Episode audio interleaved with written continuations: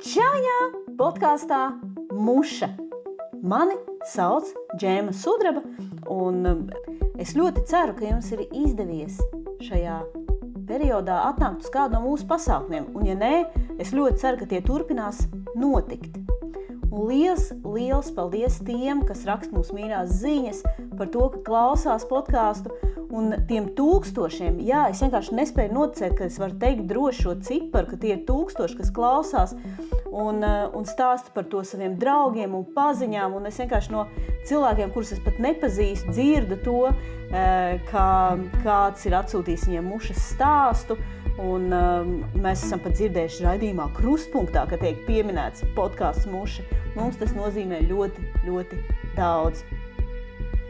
Šī podkāstu epizode saucās Es gribēju tikai paskatīties.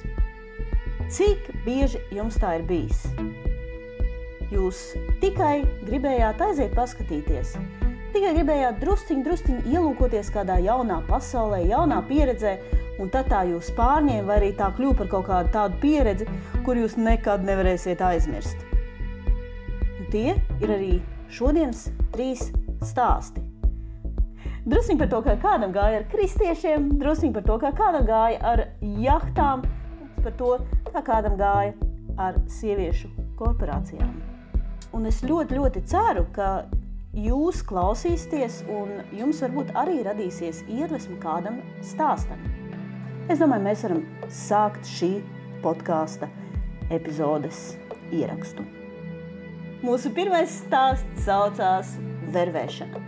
Viņa stāsta man ļoti, ļoti mīļš draugs, ar ko mēs iepazināmies jau studiju laikā. Ēriks Linkbērziņš. Viņš vispār citur, citur dzīvē. Ļoti, ļoti veiksmīgs uh, uzņēmējs, darbojas uh, turisma jomā. Un, uh, godīgi sakot, man drusciņi, drusciņi paveicās, ka ir Covid un viņam ir mazāk darba. Un, tādēļ viņam atradās laiks, lai atnāktu uz mušas pasākumu un izstāstītu savu stāstu. Klausamies! Stāsts nosaukums ir vervēšana.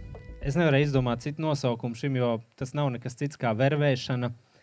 Un ļoti svarīgi šiem stāstam ir norises laiks. Tā ir Rīga, sākot ar 2000. gada rudeni.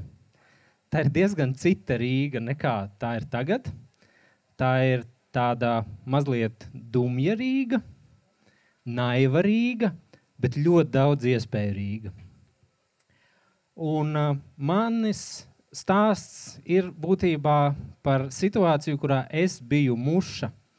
Muša, kurai ir uzlikta burka, un kāds no augšas skatās, ko tā muša tajā burkā dara, un cik ilgi viņa izturēs sitoties pret tām sienām, kamēr beidzā, beidzot padosies un uh, salūzīs.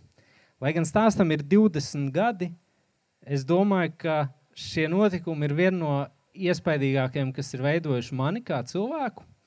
Un tāpēc īpaši man ir mega stress šodien par to stāstīt.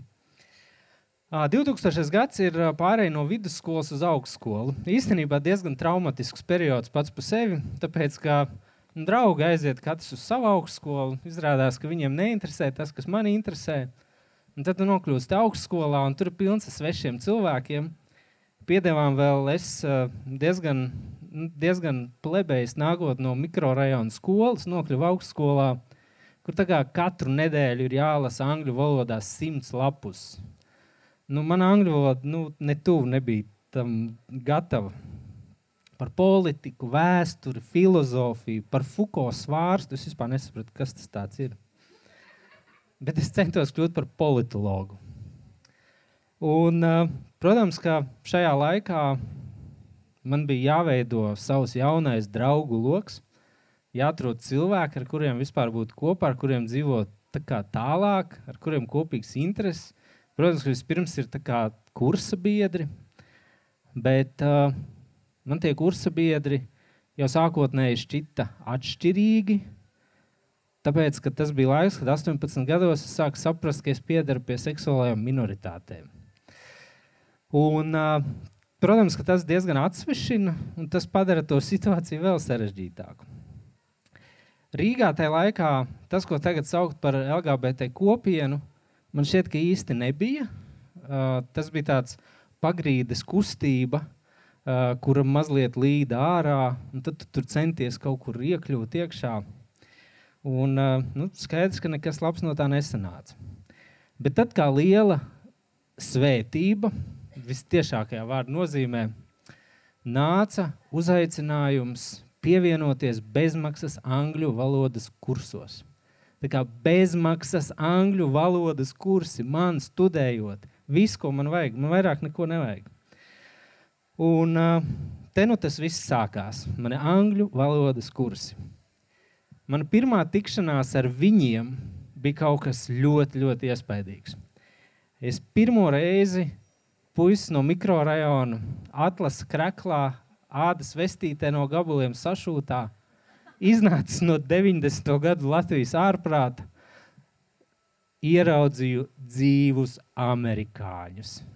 Nu, tik tuvu kā jūs, viņi ir klāt, amerikāņi ir atbraukuši. Un viņi ne tikai ir atbraukuši, bet viņi mācīs bez maksas angļu valodu.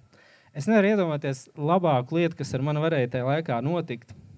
Uh, un, uh, Pirmajā tikšanās reizē mēs nokļuvām lielās sanāksmes zālē, vienā no universitātes lielajām telpām. Tur bija kādi simts cilvēki. Man tā šķiet, simts, varbūt arī vēl vairāk, bet tam nav diezgan liels nozīmes. Un viņi visi meklēja bezmaksas angļu valodu, tāpat kā es. Amerikāņi bija varbūt pieci, varbūt septiņi, varbūt desmit. Es biju tik apmulsis no viņu fakta, kā tāda, ka es arī īsti nevarēju to visu saprast. Divas mēnešus apmēram viss bija baigi forši. I was improving my English un tikos ar amerikāņiem. Un tad netīšām šajās sarunās un nodarbībās angļu valodas parādījās vārds Jēzus. Jēzus šodien mūs sveicina. Jēzus ir ar mums. Jēzus ir mums sagādājis šo lielisko telpu. Nu, labi. Jēzus. Jāsaka, ka es nācu no ļoti, ļoti nereliģiozas ģimenes. Manā ģimenē Jēzus īsti nebija. Un vienīgais, ko es zināju par Jēzu, vai vismaz asociācija ar Jēzu, bija tā, ka mana vecā mamma eh, teica, lai ļoti izvairās no cilvēkiem, kas kaut ko saka par Jēzu. Jo Mūsu vecmāma īsi pirms nāves trešdaļu mantas bija norakstījusi Baptistu baznīcai. Bet arī tas netraucēja man, jo es biju ticis pie amerikāņiem. Es ar viņiem ļoti draudzējos. Man viņi ļoti patika. Viņi man tik ļoti iedvesmoja. Viņi bija tik forši. Tas nekas, ka viņi visi pat izstījās daži kā Jēzus manas angļu valodas nodarbības kļuva ar vien interesantākas, jo angļu valodas mācībām pievienojās balītes piekdienu vakaros. Mēs nokļuvām ne visi simts, laikam tikai izredzētie, lielā privātā mājā Čiekurkalnā. Piektdienas vakarā uz balīti. Ne jau tāda balīti kā šeit, vīna tur nebija. Necik nebija. Un arī laikam atnest nevarēja. Vai vismaz, vai vismaz neviens neiedomājās to darīt. Tikmēr mani draugi apgļu, apguva uh, klubu kabata. Pulkvedī laikam īsti vēl nelaida iekšā, bet man bija balīti Čiekurkalnā. Un es jutos ļoti, ļoti krūts. Tajā mirklī es jau divus vakarus nedēļā pavadīju ar amerikāņiem. Vienu vakaru mācoties angļu valodu, otru vakaru balējoties. Um, mans kontakts ar amerikāņiem kļuva daudz personiskāks. Es viņus sāku iepazīt kā īstus cilvēkus, kā visīstākos. Tomēr katra tikšanās reize arvien vairāk kļūst piebildīta ar Jēzu. Mēs dejojam līnijas. Es mācīju, de, mācījos dejot līnijas, kamēr mani draugi vai vismaz kursa biedri mācījās, kā pēc LSD vienkārši neizslēgties kaut kur. Es dzēru zemeņu sulu balītē, un man bija tik jautri. Tikmēr man draugi un vai vismaz kursa biedri un bijušie klases biedri mācījās to, ka ir vēl citi kokteļi nekā Merkurs ar kolu. Bet arī tas nemainīja manu domu par to, ka amerikāņi ir labākais, kas manā dzīvē ir noticis. Devīze, ko es dzirdēju katru reizi, Jesus loves you all, pienākus manī. Es patiesi noticēju tam, ka Jēzus loves me from the bottom of his heart. Līdz reizei. Um, kādā tikšanās reizē es saņēmu uzaicinājumu uz nākamo līmeni. Tas nozīmē trešo vakaru nedēļā ar amerikāņiem. Un tas jau bija vakars Birznieku upīšu ielā dzīvoklī pie viena no amerikāņiem. Mēs tur bijām, kad cilvēki 15, ne vairāk. Ēst, dzert zemeņu sulu, marshmallows, popkorns, filmas un fonā dzied ierakstā gan Shania Twain. From this moment, life have begun. From this moment, you are the one. Ok, visi dzied. Nav nu, jau slikta dziesmiņa, es arī varu padziedāt. Vēlāk es sapratu, par ko bija tā dziesmiņa un kāpēc viņi tieši to dziesmu dziedāja. Skaidrs, ka man nebija man nebija plāns kļūt par kristieti. Viņiem tāds bija. Un skaidrs, ka jo vairāk Jēzus nāca manī, jo vairāk es sapratu, ka ir vēl citas lietas, ko es grib, dzīvē gribētu darīt. Mani draugi, kurus es šajā laikā jau biju iegūmis, man kursabiedri un draugi kļuva ļoti tramīgi, jo man nebija laika ar viņiem satikties. Ja man bija jābrauc uz Čiekurkānu, man bija jāiet uz Angļu valodu, man bija jāiet uz, uz Birznieku upīšu ielu, Vēlāk pievienojās vēl arī cits dzīvoklis Čaka ielā. Man viss nedēļas vakar bija aizpildīts, jo man bija mani amerikāņi. Protams, ka mērķis mani pievērst kristietībai kļuva intensīvāks arī no pievērsēju puses. Man tika veltīts ļoti daudz laika, ļoti daudz uzmanības. Un reiz kādā balītē, piekdienas vakarā, Birznieku upīšajās dzīvoklī, es sapratu, ka blakus ir viena istaba – kur vienu pēc otra no klātesošajiem iesauc iekšā. Atverās durvis, man pienāk klāt, Erika, tagad tev jāiet. Hell, aizmukt vairs nevar. Nu labi, ies iekšā. Sēž uz grīdas divi viņi, galvenie vērvētāji. Mēs sākam absolūti nebūtisku sarunu par dzīvi, par Dievu, par Jēzu, par to, cik man šeit patīk ļoti. Un tad manā virzienā tiek pasniegta Bībele ar zelta malu, ar tekstu You should read this. You should read this. Meh. Bībele jālasa angļu valodā. Es neesmu tik daudz iemācījies no jums angļu valodu. Izrādās mērķis bija man bija jānokļūst nākamajā līmenī, kas saucās Bībeles studijas angļu valodā. Es vispār nesapratu, par ko ir stāsts. Bet tāds nu bija mērķis. Šķiet, ka tas bija mūsu attiecības zenīts, jo šajā pat laikā es pirmo reizi atvēru Alfrēda Kalniņa ielā kluba XXL durvis. Pirmajā brīdī ieejot iekšā un ieraugot Tomu Finlandu bildes – ieraugot to maucību, kas tur notika pēc būtības. Pie stieņiem dejojošos pusplikos vīriešus izrādījās arī tumšās istabas, kur notiek kaut kas, kas manam prātam tajā laikā nebija vispār saprotams, jo amerikāņi par to nestāstīja. Es, es nezinu, vai viņi zināja, kas tur notiek. Es nejūtos droši, ka Jēzus knows it all.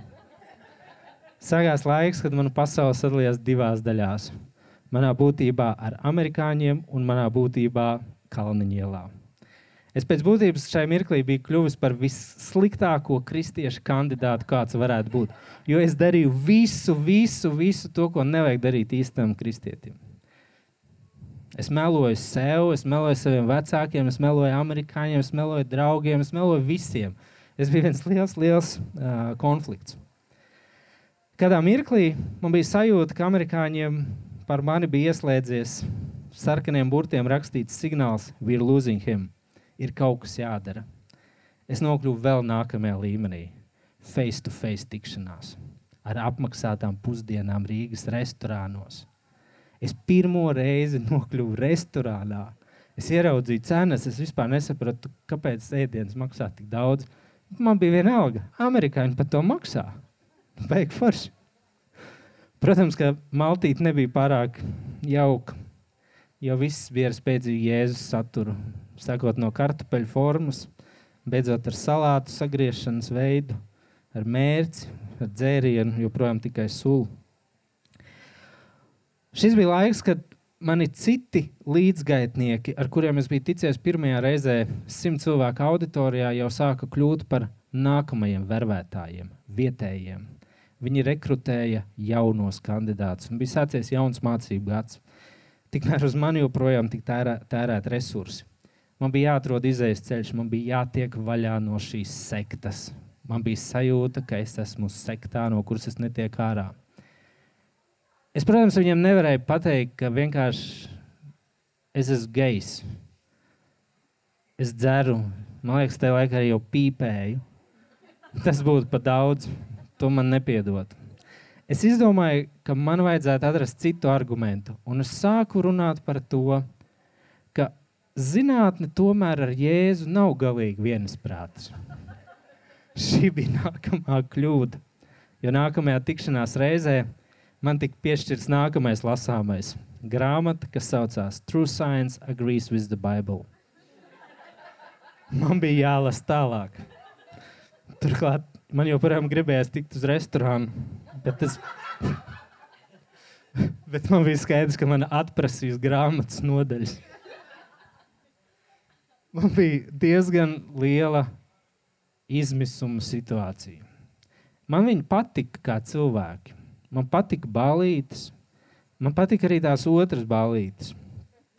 Bet es biju sapratis savā būtībā, ka es nevaru būt tāds kristietis, kā viņi mani gribētu redzēt.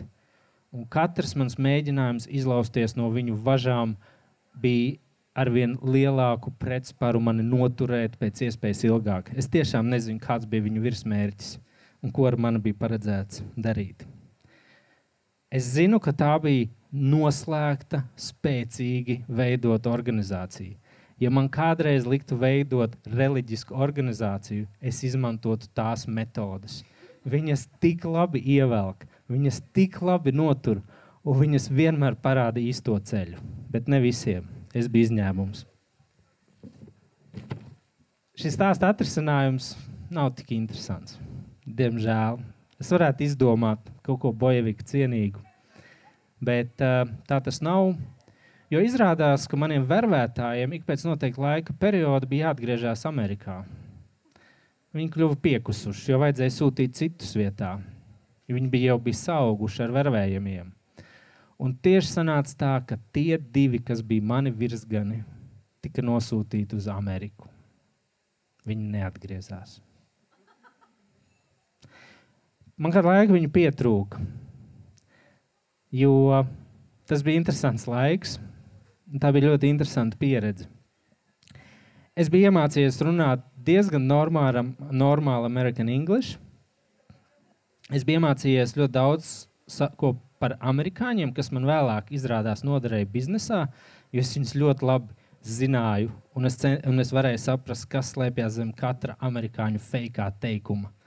Es zināju, ko nozīmē katru reizi, kad viņi piemin vārdu Jesus loves you es biju uzzinājis arī to, ka īsta zinātne vienmēr piekrīt Bībelē. Bet priekš sevis es biju sapratis, ka ir viena lieta, kas ir jāiemācās, ir jāiemācās pateikt nē īstajā brīdī. Un es sapratu to, ka bezmaksas siers ir tik tiešām tikai peļu slazdā.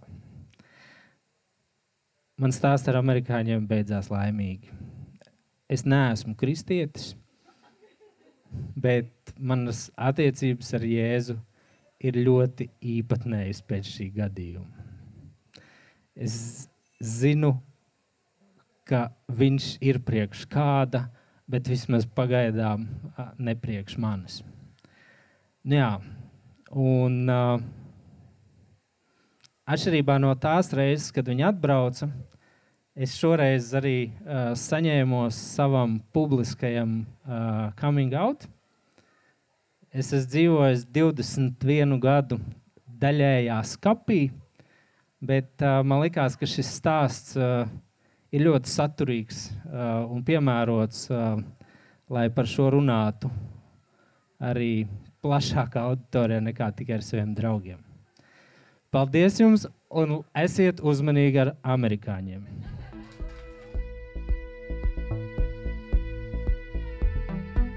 Kādas ir jūsu attiecības ar Jēzu? Godīgi sakot, man arī ir diezgan īpatnējas attiecības, neskatoties uz to, ka starp mani un Jēzu pat nav bijuši pa vidu amerikāņi. Bet man ir liels prieks par to, ka Ēriks atrada laiku, lai atnāk pie mums un izstāstītu savu stāstu.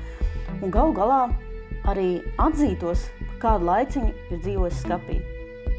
Mūsu nākamais stāsts nāk no Valtera Vētras – Ja es domāju par Valteru stāstu, es domāju par to, cik bieži mēs nonākam situācijās, kurās mums ir jāuzņemas atbildība par lietām, par kurām mēs īstenībā nemaz nevaram uzņemties atbildību. Kur mēs nonākam situācijā, kur varētu aprakstīt kā, kā iekrišanu veļas mašīnā vai to, ka tev aiz piedurknes velk tramvajs, kas jau ir sācis braukt. Un, man liekas, Valters savā stāstījumā parāda to, ka pat situācijās, kurām tu neesi, neesi gatavs, un pat situācijās, kuras tu neesi plānojis, un kurām tu neesi bijis apmācīts, uh, tu vari atrast kaut kādu pozitīvo punktu un, uh, un viņas piedzīvot, un vēlāk izstāstīt tās cilvēkiem, kas klausās podkāstu muša. Mīļie draugi un cilvēki, Valtera vētras stāsts pilnās burās. Mans stāsts ir par ceļojumu pandēmijā, jeb kā pieciem vīriem ar trijām jachtām nelaikā nonākt tur, kur nebija plānots. Respektīvi, tā. Stāsts sākās pagājušā gada septembrī, kad man piezvanīja tēvocis ar piedāvājumu avantūrai. Vajadzēja apmēram divas sekundes, lai piekristu šim piedāvājumam, jo tajā brīdī bija bezdarbnieks. Un, uh, Kaut, kaut gan man tēvots prasīja, vai es varētu paņemt atvaļinājumu, tas diemžēl nebija iespējams, jo nu, bezdarbniekiem atvaļinājumus neviens nedod. Bet, protams, tālāk viss stāsts ļoti ātrā tempā virzījās uz priekšu.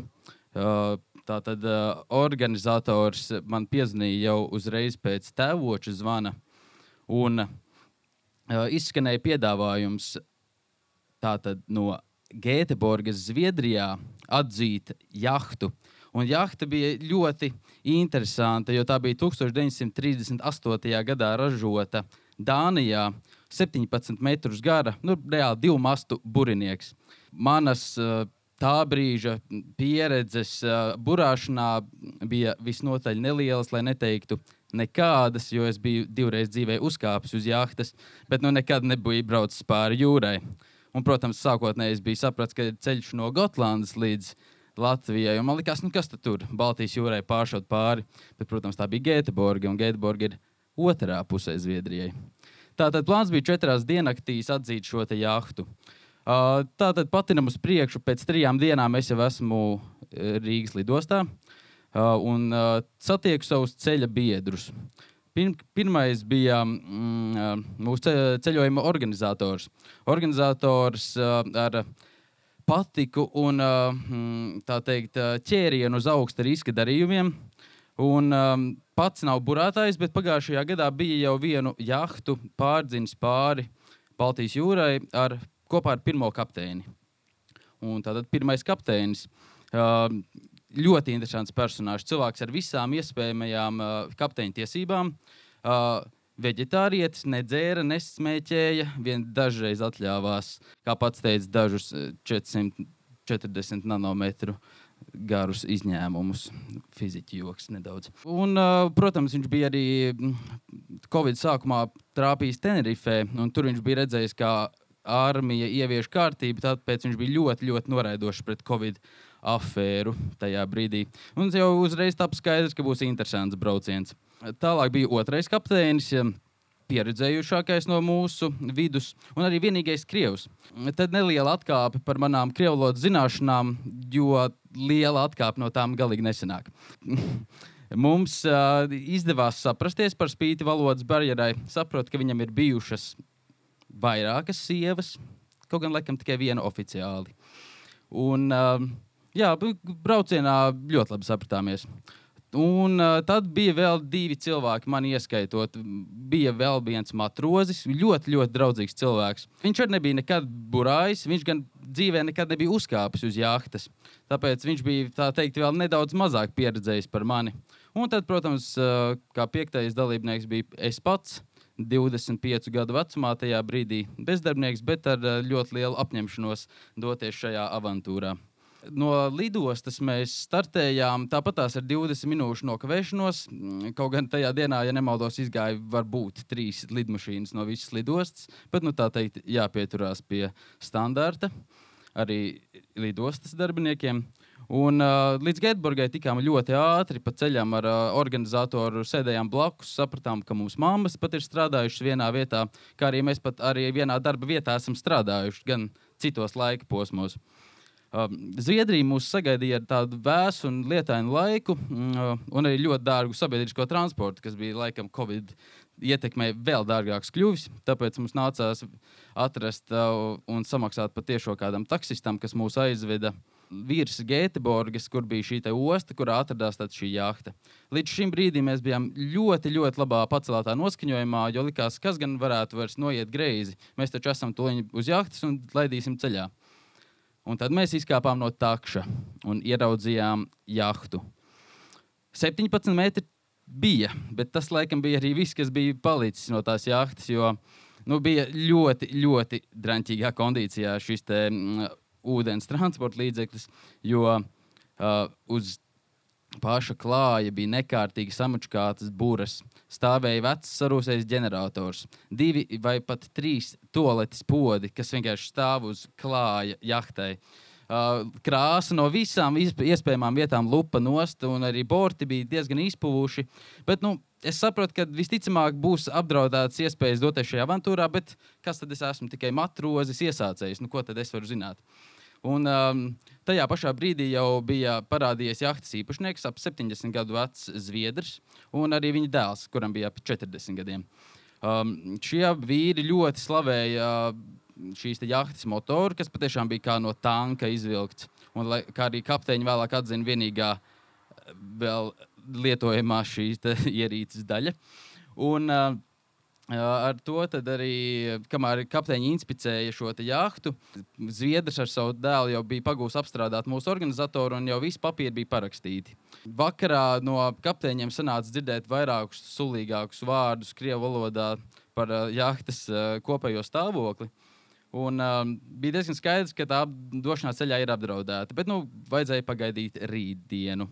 Uh, pienāca nākamā diena, turpinājām inspicēt jahtu, sapratām, ka mm, nekur mēs laikam ne, nedosimies, jo uh, paši kapteiņi atteicās vienkārši attiekt no krasta, jo teica, ka pirmais vilnis mūs nogremdēs. Tā gan patiešām nebija vēl lielākā problēma ar šo jahtu. Un mēs sapratām, ka arī, protams, jāvēršās šajā izsoļu vietnē Klaravika, kas ir Zviedru izsoļu vietne, kurā arī tika iegādāta te, šī jahta. Un bija, protams, jāsagaida pirmdiena, lai varētu, lai varētu sazināties ar šo te kantori. Nākamā diena pienāca, mēs sagatavojām juridiski pamatotus vēstījumus par to, kāpēc eh, šis pirkums būtu jāceļ. Kāpēc? Jo nesakrīt gan rēķina numuri. Pašam organizatoram, kurš bija pircis šo jahtu, kā juridiski persona, nebija paraksta tiesību šajā juridiskajā firmā. Un eh, bija vēl visādas neprecizitātes, kas beig beigās noveda pie tā, ka nekā. Klaraviks teica, ka tā ir mūsu paša problēma un tā teikt vairāk mums neatbildēja. Tas gan uh, mums pārējiem daudz netraucēja. Mēs sapratām, ka mūsu organizators uzvalkās ar katru brīdi nedaudz vairāk, jo, protams, viņš nebija plānojis teikt, maksāt arī abiem kapteiņiem par liekām dienām. Bet uh, mēs uh, pārāk to neņēmām vērā, ļāvāmies visam uh, brauciena plūdumam, kas, protams, notika vēl joprojām tajā pašā jachtā un vēl joprojām uz vietas stāvot. Un, protams, arī tad, kad mēs sūtījām tam Klarvikam šīs te, uh, bildes ar izpūšiem bortiem un video ar tekošo eļu, jo ak, jā, bija arī šāda problēma ar tekošo eļu, jo, kā izrādījās, pirms divām nedēļām pie šīs jahtas bija viesojies Zviedrijas vides dienests ar uh, diezgan uh, skarbu vēstījumu, ka, ja šī jahta netiks aizvākta, nu, būs jāmaksā 500 tūkstoši eiro sots. pieļauju, ka tas bija vēl viens no apsvērumiem, kāpēc uh, šis vecais zviedrs vēlējās no šīs jahtas atbrīvoties. Uh, ah, un vēl viens neliels fakts, ka šis zviedrs, kurš bija šo jahtu jau pārdevis un gribēja no mums atbrīvoties, jau bija ievācies turpat blakus 20 metrus tālāk uz citas jahtas. Reiz vai divas dienā viņš nāca pie mums, uh, skubināja doties jūrā, par spīti tam, ka bija ļoti slikti laikapstākļi. Un tā teikt, uh, ievirzīt piecus vīrus diezgan drošā nāvē, nu, tas viņam nebija nekas. Un arī uh, kā mēs pēc tam vēlāk iepazināmies ar ostas kapteini, izrādījās, ka viņš ir tāds zināms cilvēks arī Zviedru vidū, jo viņam ir piemēram 2 miljoni eiro parāds Norvēģijā nu, nodokļiem. Un viņš arī kādreiz Venecijā ir bijis ar no biznesu nodarbojies, un nereti viņam ir sanācis beigt no jaukiem, ātriem svina apsveikumiem arī turpat Venecijā. Tātad visnotaļ uh, krimināla personība. Un tad pienāca nākamā diena. Nu, mēs sapratām, ka nu, mēs ilgi vairs nevarēsim tur uzturēties. Tā teikt, problēmas risinājums pienāca pats no sevis. Jo vienā brīdī nokāpa pie mums salonā pirmais kapteinis un saka, nu, vai vācam mantiņas, dodamies prom. Un es tā pa jokam prasu, vai te grimstam? Viņš saka, jā, grimstam. Nu, tā grimšana gan notika ļoti, ļoti lēnām. Jo, kā arī pirms tam bija izrādījies, ka ir pieslēgts sūknis, kurš uh, sūknē visu nepārtrauktu ūdeni no šīs jahtas. Un, ja tas tiek atslēgts pēc 14 stundām, jahta ir zem ūdens. Bet to, protams, neviens nebija ne sludinājumā norādījis, ne vecais zviedrs to, protams, nezināja. Un, uh, bet nu, tajā brīdī, kad šī jahta jau grīma, ostas kapteinim nekas neatlika uh, cits, kā izsaukt arī glābšanas dienestu. Ieradās divi vīri. Nesteidzīgā solī atnāca līdz jahtai, apskatījās, ka tā ir vēl virs ūdens, uh, apstājās uz eļļas piesārņojumu un sāka zvanīt kādam. Kā jau mēs nopratām, ka tā droši vien ir Zviedru policija. Un tāpēc pēc kādām minūtēm, piecām, mēs jau bijām atstājuši šo ostas teritoriju vienoju, gan vienojoties ar kapteini, jo viņš jau ar ostas kapteini, kurš jau bija sapratis, ka šī jākta agrāk vai vēlāk tu, nu, būs viņa problēma. Bet nu, mēs tā zolīdi aiztināmies prom no turienes. Mēģinājām atrast taksi, bet neko nevarēja atrast. Bet par mums, par laimi, tur bija autobusa galapunkts. Un tieši atnāca arī autobuss, un kamēr mēs Uh, ielikuši, protams, ar ļoti daudzām mantām, ar glābšanas plostiem, diviem, kas mums bija līdzi, gan satelīta telefoniem, un vēl visādi citādi aparatūru. Uh, ielicām piecetā autobusā, un kamēr braucām uz Gēteborgu, uh, tur mums jau pabrauc vairākas ekipāžas ar policiju garām, varbūt citā, citā uzdevumā, bet ņemot vērā, ka mēs atradāmies pie parāmi pārceltos un nekur tālāk nevarēja aizbraukt pa šo ceļu Visticamāk, viņi brauc pie jahtas. Bet, lai nu kā mēs tikām diezgan uh, veiksmīgi līdz Gēteborgai, no turienes mēs ar vilcienu aizbraucām uh, līdz uh, Stokholmai. Pa ceļam, protams, sāka zvanīt privātie zviedru numuri mūsu brauciena organizatoram, un telefons izslēdzās netīšām. Uh, un uh, tad no Stokholmas mēs tikām tālāk ar vienu autobusu līdz nākamajam autobusam, vēl līdz nākamajam autobusam. Un, protams, šis viss ir uh, Covid kontekstā, kas Zviedriem, acīm redzot, tajā mirklī pārāk neinteresē, jo ar maskām staigāja var būt katrs 20. cilvēks tajā mirklī. Un, uh, nu, tā vis, vispārējā sajūta, atbraucot no Latvijas, kur teikt, šis te viss COVID, uh, COVID pandēmija bija tādā, manuprāt, nedaudz vairāk izcēlta uz āru. Uh, Zviedrijā to noteikti nejūta. Un kāpēc mēs vispār bijām aizbraukuši līdz turienei, kur mūs sagaidīja vīrs vārdā, vārdā Dāvids. Eh, jo mēs nonācām jachtklubā tikai Stokholmā, tātad Zviedrijas otrā pusē. Un, uh, šis Dārvids bija puszviedrs, puspolis, un, un viņš bija gatavs mums pārdot otro jahtu. Un, jā, protams, neliela atkāpe, kāpēc mēs bijām pie otrās jahtas, jo kamēr mēs sēdējām uz pirmās jahtas. Un, uh, pārspriedām dzīvi un šo un to un it neko. Pirmais kapteinis bija atradis jahtu pie Stokholmas ar domu, varbūt kādreiz būs jāatbrauc un jāizdzen, jo tas izrādās ir diezgan labs bizness līdz Latvijai šīs jahtas atgādāt. Un, tā tad šajā beigšanas procesā no jahtas numur viens, pirmais kapteinis bija pagūs sazināties ar šo Dāvidu, un mēs nonācām otrajā jachtklubā uz jahtas numur divi. Ļoti jauki, tā bija septiņmetrīga jahta, gandrīz darba kārtībā. Nu, tur trūka tikai akumulators un vēl šādas tādas detaļas. Un, uh, tajā brīdī arī parādījās pirmā nelielā instruktāža par burāšanas procesu tiem diviem iesācējiem, kas mēs bijām, kas nebija nekad Baltijas jūrā braukuši pāri. Tā gan beidzās pēc burbuļu salocīšanas apmācības, kas pārāk daudz nepalīdzēja ceļā pēc tam. Lai nu kā mēs uh, atradāmies uz otrās jahtas, un kamēr uh, saviesīgi visnotaļ uzdzīvojām kopā arī ar šo jahtas īpašnieku Dāvidu, bija vēl viena neliela problēma. Mums nebija naudas, par ko nopirkt šo jahtu, jo uh, brauciena organizators nebija rēķinājies ar tādiem papildus izdevumiem, un viņš, protams, maksāja arī kapteiņiem par katru lieko dienu. Un beig beigās sanāca uh, situācija, kurā mēs esam apsolījuši šim Dāvidam samaksāt par jahtu.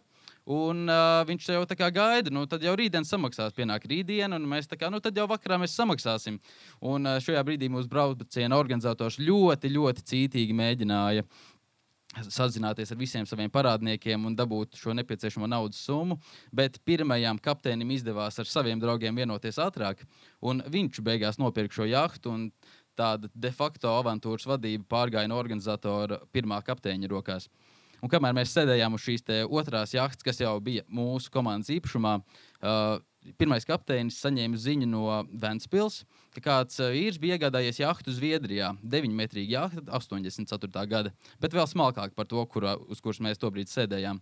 Un tāpat jaunots plāns, tā kā mums bija divi kapteiņi, mēs izlēmām braukt ar pārlaist to ceturtdienas vētru, turpat uh, jacht, jachtklubā, pēc tam doties uz salu virs Stokholmas savākt otro jahtu un tad ar divām jahtām braukt uz uh, Vēncpilsnu un pēc tam tālāk uz Rīgu. Jo, kāpēc gan ne?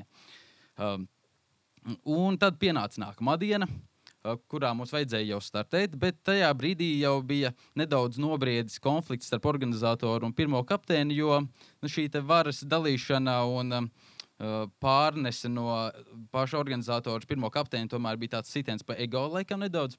Un, Viņi nedaudz uh, izlamājās, bet kopumā jau atnāca apakaļ kopīgi smējot un uh, ar jaunu plānu.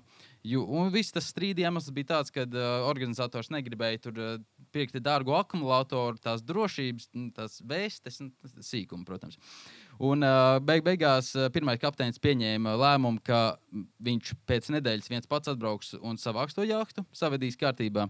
Bet mēs visi tiksim aizvesti līdz jahtai numur 3 ar autobusu. Un tas autobuss bija mūsu savāca kāds Zviedru ārlietu dienestā strādājošs uh, vīrs. Um, sākumā mēs aizbraucām līdz uh, Stokholmas lidostai. Tur savācām šo vīru no Vēncpils, kurš jau bija pagūs atlidot līdz uh, Stokholmai. Kopīgi devāmies tālāk uz šo Lagno salu, kas bija Stokholmas ziemeļaustrumos. Ceļš bija diezgan interesants, jo abi mūsu jaunākie biedri šajā avantūrā uh, pārunāja daži, dažādus savus dzīves piedzīvojumus. Un tad, uh, tiekot līdz tai salai, mēs, um, man liekas, nedaudz apmaldījāmies, jo sajūta bija tāda, ka mēs vismaz trešo reizi braucam pa to salu. Uh, uz rīņķi. Man izrādījās, ka mēs patiešām bijām nedaudz apmaldījušies, bet ātri atradām ceļu un nonācām pie jahtas numur 3.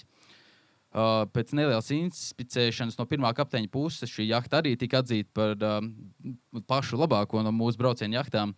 Un tad arī devāmies pie miera pēc nelielas vakarēšanas. Uh, un uh, rīts iesākās jau ar tādu nelielu kustēšanos un uh, motoru dunoņu. Un sapratām, ka pirmais kapteinis jau ir pašocīgi izgā, atgājis no krasta un ir devies ceļā. Jo viņš visu laiku bija visneapmierinātākais par visu pasākumu, jo viņš bija atcēlis vairākus citus pasākumus. Un, uh, viņš vienkārši gribēja ātrāk tikt mājās, nu, ko mēs arī sapratām. Un pirmās 5-6 stundas bija nu, burvīgs brauciens caur šērām. Mēs braucām ar motoru, bez burām tajā mirklī, jo mainīgs vējš, un tomēr mēs bijām tikai divi no pieciem, bija ar burāšanas reālu pieredzi. Tad mēs tikām līdz Sandhēmai, kas ir šī pēdējā sala pirms Baltijas jūras. Uzpildījām pēdējos krājumus un devāmies ceļā. Un beidzot, nebija pagājusi ne gandrīz nedēļa, kad mēs beidzot bijām iegājuši jūrā. Pirmo reizi tā bija mana pieredze. Ļoti, ļoti skaists brauciens bija. Kaut gan nedaudz jūras slimības, teiktu, nu, nu kāda lieka man nebija jāatbrīvojās, bet uh, sajūta varētu būt bijusi vispār arī labāka pašā braucienā. Bet, uh, pats, pats, pati brauciena un avantūras kulminācija pienāca naktī, kad es gāju tā, uz tā saucamo nakts vaču uh, kopā ar kapteini sēdēt. Un, um, tajā mirklī nu, tik skaistas debesis es nekad dzīvē nebiju redzējis. Jo pašos, pašos rietumos varēja redzēt mazu, mazu blāzmiņu no Stokholmas. Latvijas pusē bija pilnīgi tumšs. Bez, mēs bijām Baltijas jūras vidū. Tuvākā zeme bija apmēram 50-60 metri uz leju. Un uh, bez gaismas piesārņojuma tas bija skaistākais debesis, jums kāds manā dzīvē noteikti redzēts. Piena ceļš tā visā krāšņumā, zvaigznes krita pa labi, pa kreisi. Tajā brīdī es arī saprotu, kas ir tā jūras burvība un cik forši ir atrasties īpaši vienam tādā vietā. Un to arī varēja ļoti labi nolasīt no mūsu pirmā kapteiņa apgarotās sejas.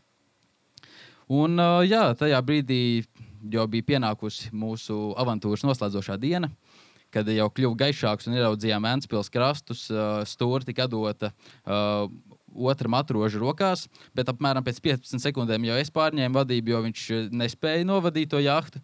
Man arī gāja grūti, bet ar katru mirkli pieauga respekts pret mūsu kapteiņiem, kas patiešām spēja noturēt taisnu šo braucamo. Tas bija izrādās ārkārtīgi sarežģīti.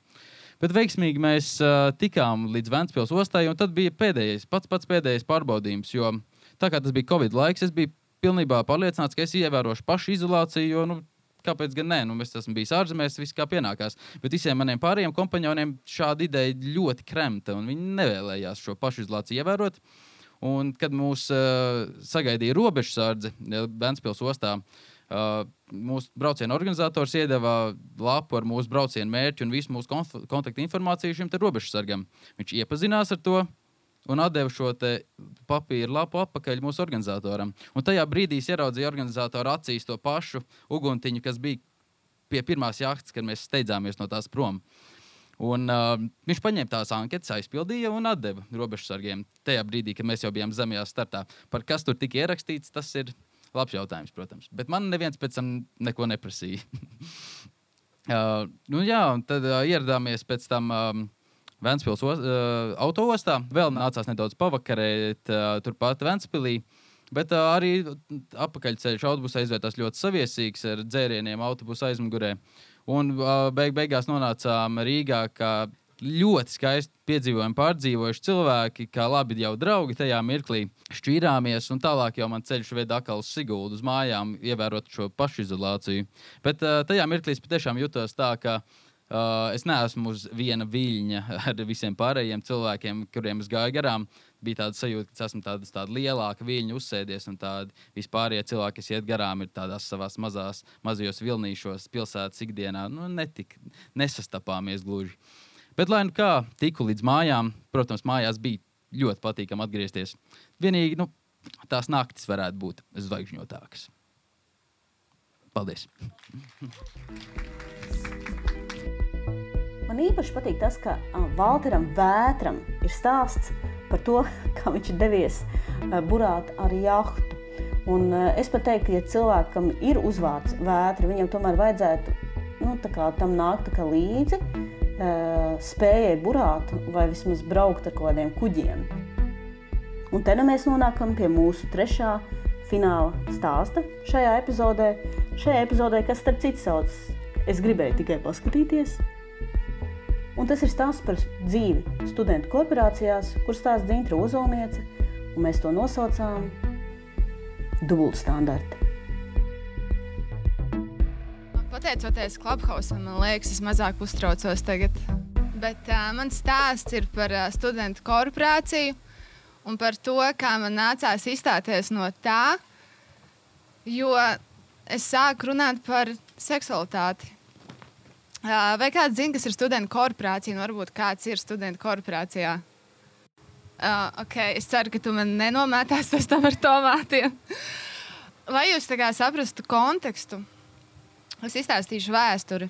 Studentu korporācija radās 1920. Nu, gados, tad bija tāds lielākais uzplaukums.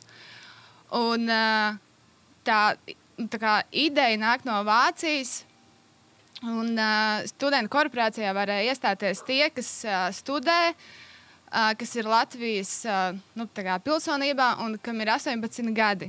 Un tajā laikā tā doma bija tāda, ka cilvēki, kuri nāk no laukiem uz pilsētu. Viņi var iestāties studentu korporācijā, kur viņi satiek domu biedrus, uh, kur viņiem iemāca etiķeti, kā uzvesties pie galda, kāda ir runas māksla, kā sevi prezentēt. Un uh, visādi citādi varbūt runāt par visādām aktuālām tēmām.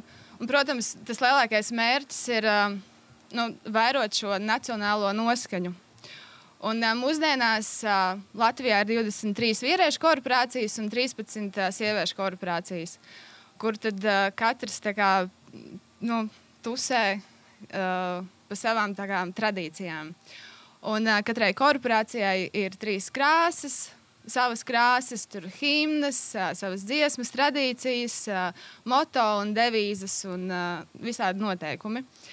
Es iestājos studentu korporācijā pirms kādiem nu, pieciem, četriem gadiem, man liekas. Un es tur ļoti izcēlos kā melnā aita ar savu domāšanu un tādu brīvo māksliniecisko uzvešanos. Sākšu ar to, ka tajā laikā, kad es gribēju atrast uh, jaunus cilvēkus un darīt kaut ko brīvajā laikā vairāk, tad uh, es to izstāstīju darba kolēģei, viņa man uzaicināja uz trīs viesvakariem. Es aizgāju, un es sākumā vispār nezināju, kas tas ir. Man vienkārši likās forša kompānija, kur ir kaut kādas savas tradīcijas, bet nu labi. Uh, man pārsteidza jau tas, ka uh, visas tur nāca melnās drēbēs, un man piekodināja, ka ir jānāk svārkos vai kleitās. Tā kā bikses nav ieteicams. Bet to pēc tam es vēlāk uzzināju, kāpēc bikses nav ieteicams. Izrādās, ka tas nevēro sievišķību. Un tad, jā, tajā pirmajā viesvakarā mums bija tā, tā kā spēle, kur mēs sadalāmies pārīšos un tad iepazīstamies. Un man sieviete jautāja, kāda ir tava mērķi, vai ko tu gribi dzīvē sasniegt. Un tajā laikā uh, es gribēju nu, uztaisīt savu alkohola veikalu. Mans tēvs taisa ļoti garšīgu alkoholu, un es gribēju to kā biznesu uztaisīt. Un es to pasaku tai sievietei. Un viņa man saķēra uzreiz roku, un viņa čukst, šito nesaki viņām. Šito, tā kā, kurš man tāds, ok, labi. nu, jā, un tad, kad es tur iestājos, tad uh, atklājās, kā, kuras esmu patiesībā iestājusies. Viss sākās ar to, ka ka man bija ielūgums iet uz Oskara Kalpaka balli. Un, protams, mums ir arī dēļas, kur mums mācīja polonēzi un valsi. Es vēl tās dēļas nebiju izgājusi, bet man ātri izstāstīja, kā vajag uzvesties. Un, protams, mums katrai ir savs pavadonis. Un, mums ir audzinātāji, kas jaunās meitenes apmāca, kā runāt, kā uzvesties un, un kā stāvēt un visā citādi. Pirmais, jau, kas man likās ļoti interesanti, bija tas, ka uh, mums pateica, meitenes neiet pie bāra un nepērk ūdeni. Ja tu vēlēsies ūdeni, tu iedod naudu savam pavadonim, un viņš tev nopērk ūdeni. Otra lieta, kas man likās dīvaini, es pati īsti nevaru paņemt vīna glāzi no paplātes. Jo man ir jāgaida, ka atnāks kā, pavadonis un piedāvās šo iespēju, vai tu vēlēsies vīna glāzi. Un tad es tikai varu nu, paņemt no paplātes vai kā, no viņa rokām dabūt šo dzērienu. Trešais ir tas, ka vairāk par divām vīna glāzēm nav ieteicams dzert, jo nu, sievietes it kā nelieto alkoholu. Jā, un uh, es tagad, ja šo ierakstu klausīsies uh, no manas studentu korporācijas, bijušās jau, jo es tur vairs neesmu. Tad var atzīties, ka tajā vakarā es ļoti daudz ko pārkāpu, jo es ar balss kleitu pakluso aizmaucu ar citu citas meitenes pavadoni uz vecrīgu. Un mēs vienkārši dzērām alu. Jo izrādās, ka sievietes arī alu nedrīkst dzert. Korporācijā jau noteikti tas nav sieviešu dzēriens. Jā, kas vēl? À, studentu korporācijā, kad tu iestājies, tu nes to korporāciju arī ārā. Un korporācija ļoti vaktē, kā tu uzvedies sociālos tīklos un uh, kā tu runā un uzvedies.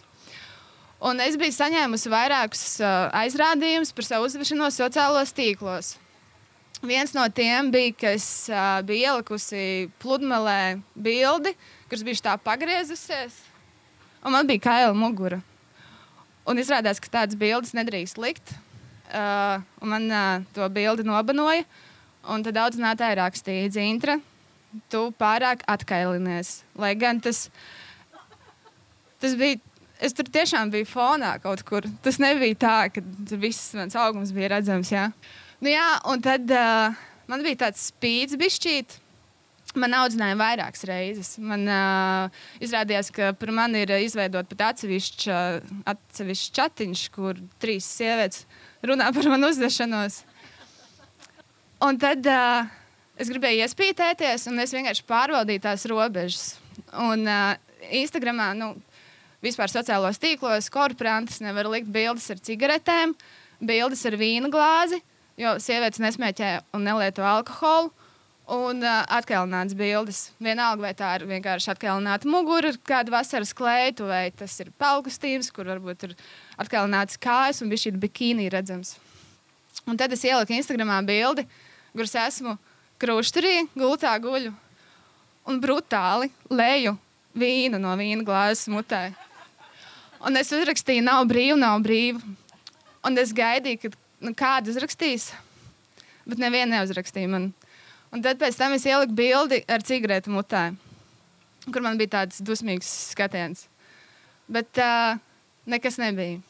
Līdz brīdim, kad es izdomāju uh, pagājušā gada maijā Instagramā uztaisīt Close Friends sadaļu, kur ir tikai meitenes un sievietes, kur mēs varam runāt par visu, kas skar mūsu seksualitāti, ķermeni un attiecības.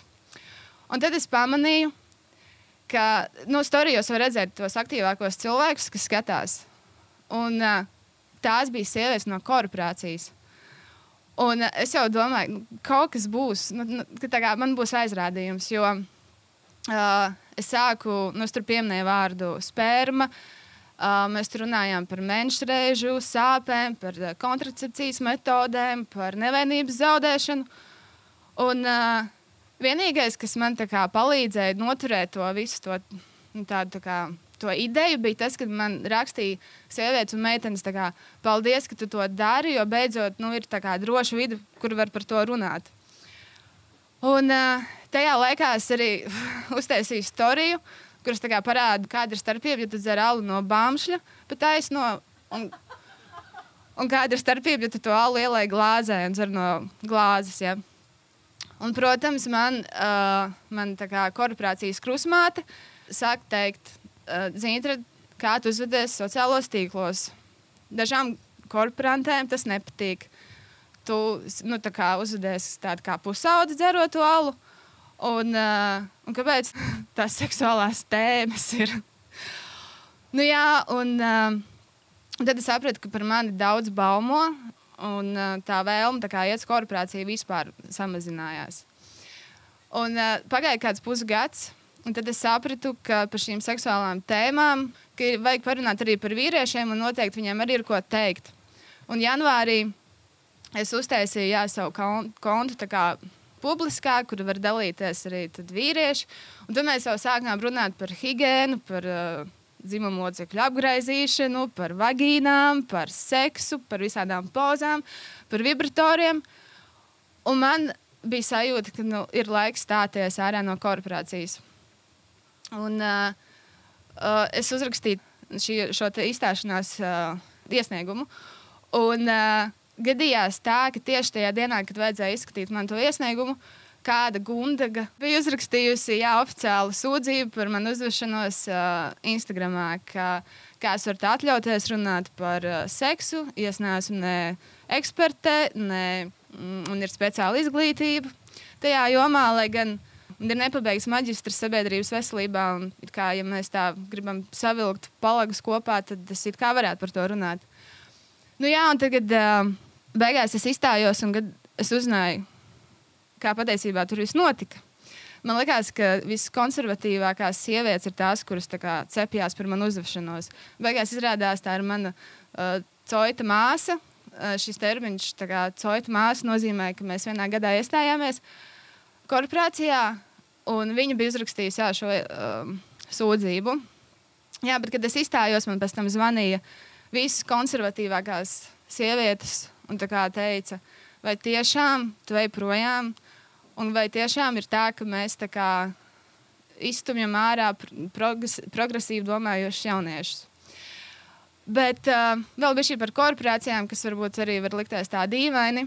Korporācijā ir kā, trīs līmeņi. Ir jauniņā, kas ir meitenes status, tad ir krāsnes un tad ir filistra.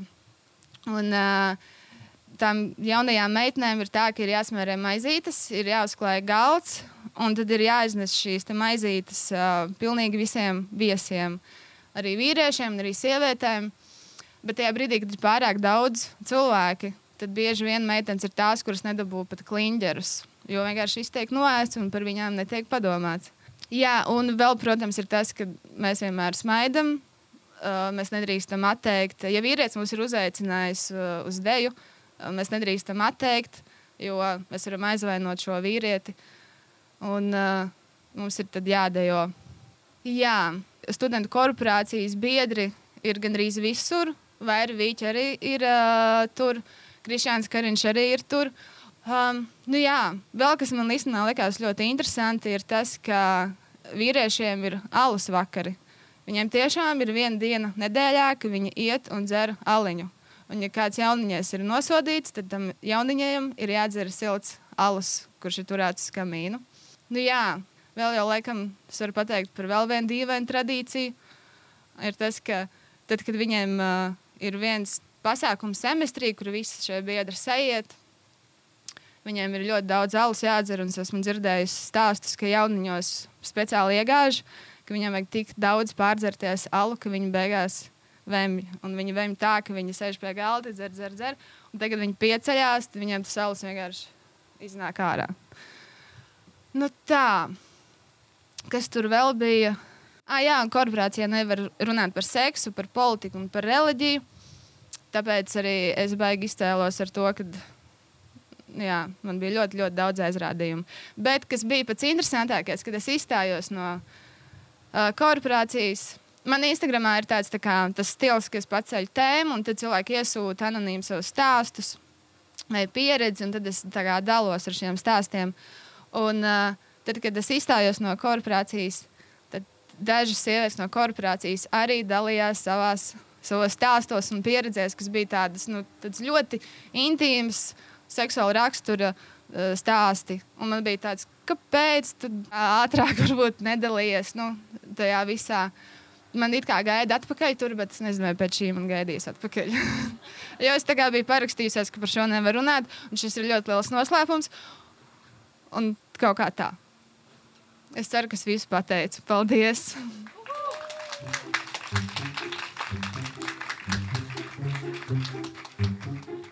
Liels paldies Dzintrai Ozolniecei par stāstu par dzīvi studentu korporācijās. Un, uh, varbūt daudzojums ir bijuši studentu korporācijās, un viņam ir bijusi pavisam citādāka pieredze. Ja tā ir bijusi, lūdzu, atsūtiet mums ziņu un izstāstiet. Varbūt kāds domā par darbošanos studentu korporācijā. Arī tad es ieteiktu jums tomēr doties uz šo studentu korporāciju un pēc tam izstāstīt mums, kā jums tur gāja. Paldies, tev, liels dzīve, ka atnāci un izstāstīji uh, stāstu par to, kā, kāda ir dzīve sievietēm dažās studentu korporācijās. Uh, lai gan tu pat nebija īsti pārliecināta, vai tu to drīkst stāstīt vai nedrīkst stāstīt. Tos, kurus ir uzrunājis Dzīves stāsts, un kas grib zināt, ko tad Dzīve Ozolniece dara tādu Instagramā, um, par ko viņai nācās izstāties no studentu korporācijas. Lūdzu, meklējiet viņu Instagram, kā Zīna Rozulniece. Viņa turpina uzdot diezgan nērtus jautājumus, un cilvēki atbild patiesi un pa īstam. Sievietes atbild patiesi un pa īstam par dažādām tēmām, kas saistīts ar attiecībām, ar viņu ķermeni un ar seksualitāti. Es jums tiešām iesaku pieskot dzintrai ozolniecei. Vai jums patika podkāsts muša? Mēs ļoti, ļoti ceram, ka jā. Pat tad, ja jūs atnācāt tikai paskatīties, jeb tikai paklausīties, mēs jūs ļoti gaidīsim 6. oktobrī, kad mums būs nākamais podkāsta muša ieraksts. Mēs esam sagatavojuši grandiozus un brīnišķīgus stāstus. Un tā mēs apsolam, būs brīnišķīga pieredze. Mēs jūs ļoti, ļoti, ļoti gaidīsim. Paldies, ka klausījāties! Šo podkāstu veidoju es, Džēma Sudraba, kopā ar Agatu Mežuli, Mārtu Hērcu, Keriju Broku un Montu Kailu. Paldies, ka klausījāties un tiekamies nākamajā reizē!